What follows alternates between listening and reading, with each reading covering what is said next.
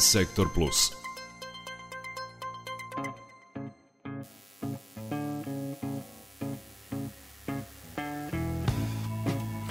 Kako su u prošlosti izgledale prve studije na takozvanoj velikoj školi na koju su ugledne porodice želele da šalju svoju decu? Koje znamenite istorijske ličnosti su bili predavači i šta je najstarija srpska gimnazija Karlovačka zadržala od takozvanog tada otmenog evropskog obrazovanja? Poslušajte u priči Jasne Kurte Šplavljanin. Knez Mihajlo Obrenović je septembra 1863. po milosti Božje i volji naroda doneo zakon o ustrojstvu velike škole, odnosno akademije u kapetan Mišinom zdanju i tako nastaje prva visokoobrazovna ustanova u Srbiji, koje je trgovac Miša Anastasijević planirao da ovu palatu da u miraz Đorđu Karađorđeviću, unuku Đorđa Petrovića Karađorđa i nesuđenom knezu Srbije. Škola u kojoj su učili i predavali Jovan Cvijić, Josif Pančić, Mihajlo Petrović Alas, Jovan Skerlić i mnogi drugi srpski intelektualci iz 19. i 20. veka, 1905. postaje Univerzitet u Beogradu. Velika škola bila je univerzitet koji još nije bio priznat i prepoznat kao takav, a mnogi velikoškolci će u narednim decenijama zauzivati važna mesta u Srbiji u kulturi, politici, nauci kako su izgledale studije i ko je mogao da upiše veliku školu. Ugledne i imućne beogradske porodice želele su da šalju decu na studije u veliku školu i jedan deo učenika dolazio je baš iz takvog miljeja. Međutim, pored želje učenika da se obrazuju, jedini formalni uslov za upis bila je položena matura u gimnaziji, a priliku da se obrazuju tada su imali samo muškarci. Pored učenika iz prve gimnazije u Beogradu, bilo je i onih koji su pohađali polu gimnazije u Čačku, Šapcu ili Kraljevu i onda su morali prvo da se doškoluju u Beogradskoj gimnaziji da bi posle upisali veliku školu, objašnjava istoričar Radomir Popović. Država je imala i dobrotvorni fond, birala je određeni broj učenika koji nisu imali novca za takvo školovanje i stipendirala ih je, dodaje Popović.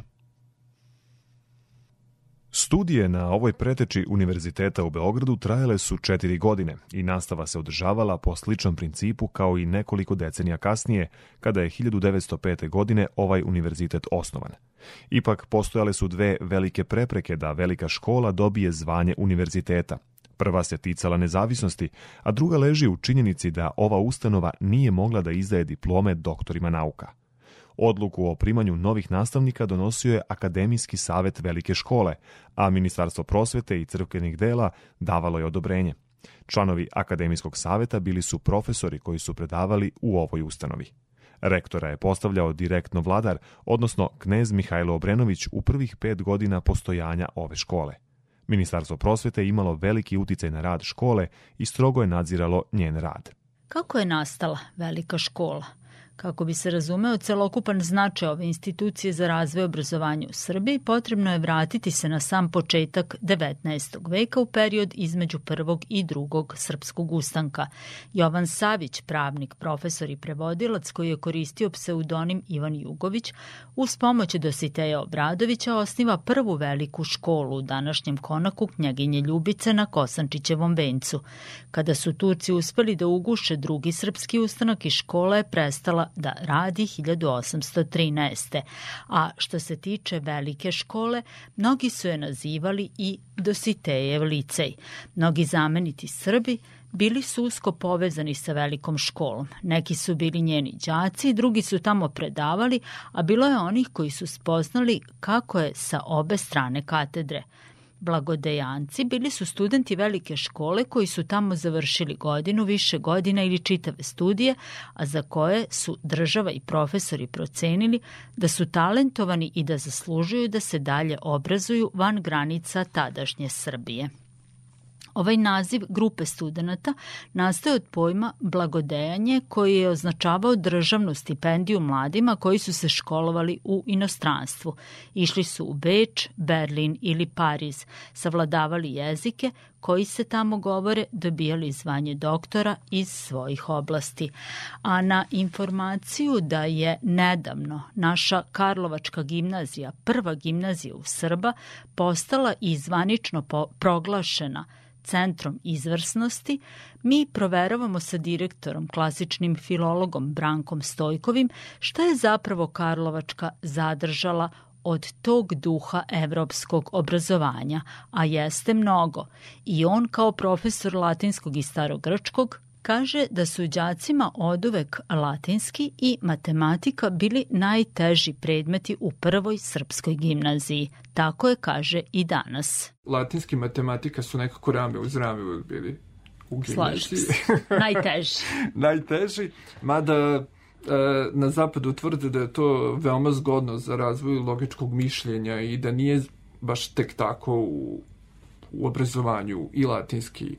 Ono što bi se vratio na početak kad je Karlovačka gimnazija osnovna 1791. godine, e, što ste rekli da je nastava bila na latinskom jeziku, to nije bilo specifično samo za Karlovačku, već tako su funkcionisale gimnazije u Evropi.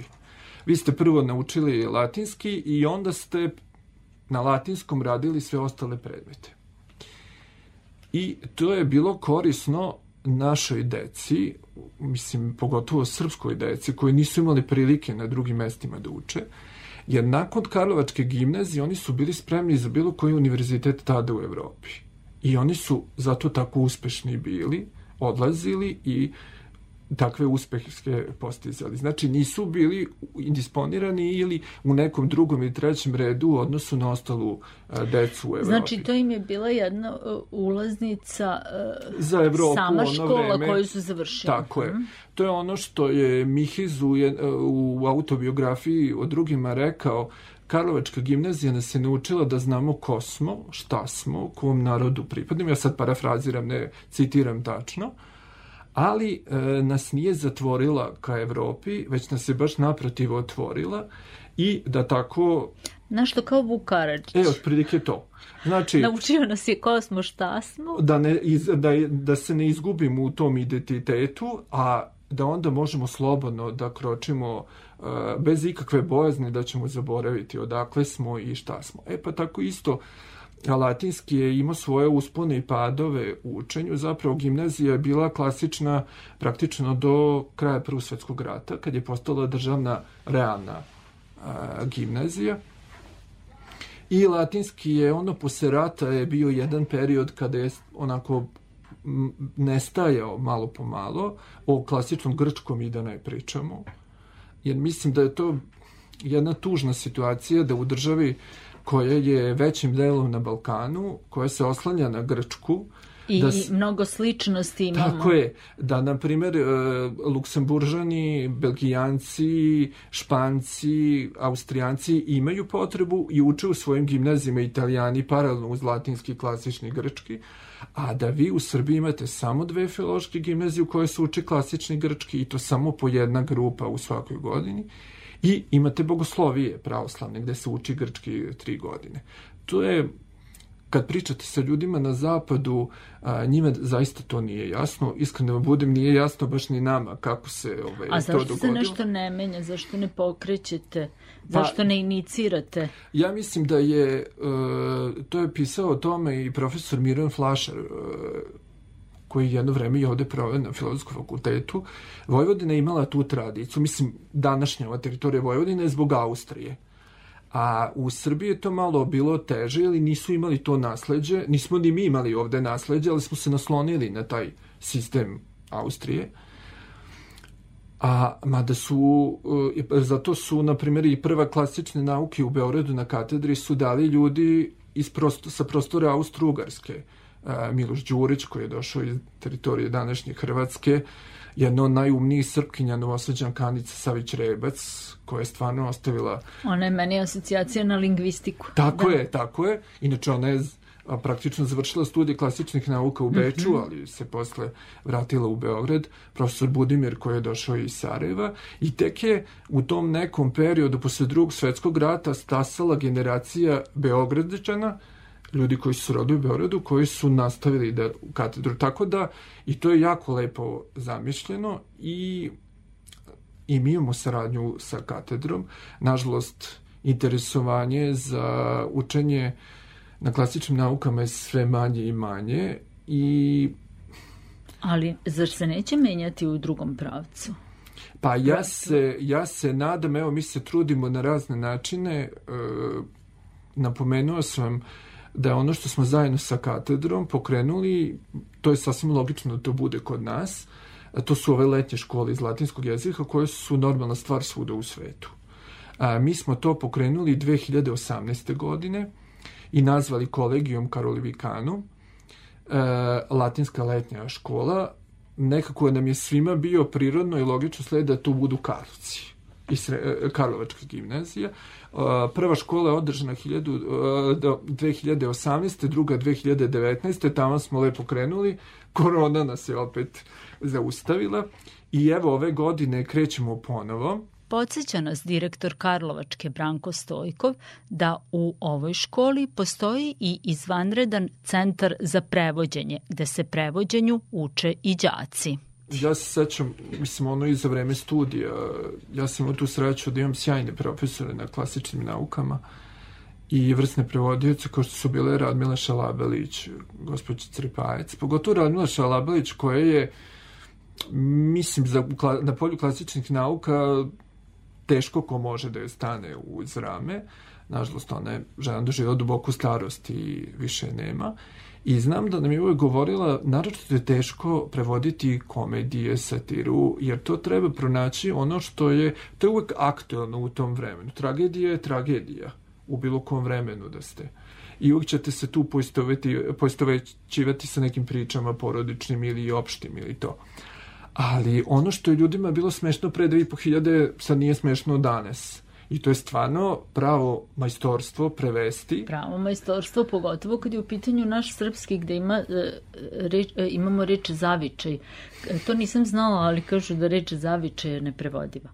Na strani jezik. Teško je, da. Stranac ne zna kako Teško da prevede reč zavičaj i ne zna kako da prevede uh, sintagmu krsna slava.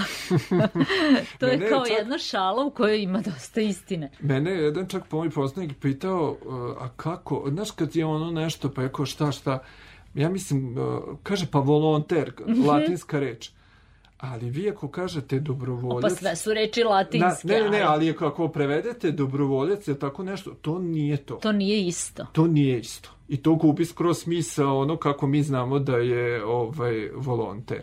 Tako da nešto je stvarno teško. Isto tako i sa srpskog je teško pre, ovaj, prebaciti. Mada su nas učili da je e, sa klasičnog grčkog najidealniji prevod, jezik za prevođenje nemački, zato što ima strašno puno kovanica. Mm -hmm. A mhm. nemački je tu stvarno izuzet. Mada to ćemo tek mi... videti u vremenima koji, koji dolaze, evo sad su ovi mladi naučnici izdali rečnik korone, sad se tek pojavilo svega toga što vi kažete, ne može se uh, prevesti i opisati uh, jednom rečju, a evo ovi uh, vaši đaci koji su se takmičili iz latinskog, šta su rekli, takmičenje je bilo naporno i najteži su bili pisanje eseja A, da, da, to je, ne, mi nemamo eseje, već e, sad i kad smo imali, to je problem đacima generalno. E, sad i ovaj projekat državne mature. E, naši đaci, mislim to generalno, ne, ne mislim samo na učenike Karlovačke gimnazije, oni su deo jedne šire zajednice. Kad treba nešto čitati i nešto pisati, oni već tu imaju neki kart a, više im odgovara gramatiku da rade ili test iz gramatike. Pa zato što nemaju čitalačku pismenost, to je pisa testiranje. E sad kad treba čitati, pa onda kad pročitaš, onda treba ove, odgovoriti i to je za njih malo sad puno vremena, ima, treba puno vremena u to uložiti. Mm -hmm. I dešavalo se, na primjer, sad na pilotiranju, mada su kod nas deca radila bile u nekim školama bojkote i to sve. Ja sam rekao, sedite pa da vidite. Neki su sedeli pa su pisali te eseje iz engleskog, španskog i iz tih e, drugih jezika a neke jednostavno mrzelo, pa su one gramatički deo uradili, ovo nisu a, hteli da rade. Inače, Karlovačka kada je osnovana, nastava je bila na latinskom, a za osnivanje Karlovačke gimnazije najznačajnija ličnost bio je mitropolit Stevan Stratimirović, a tome su prethodile viševekovne težnje srpskog stanovništva na ovim prostorima da pruže kvalitetno obrazovanje svojim naslednicima. Isprva su to mogli samo imućniji ljudi, koji su decu slali u rusko-slovensku školu, a potom i u latinsku gimnaziju, gde su predavali srpski učitelji iz redova kaluđera i sveštenika.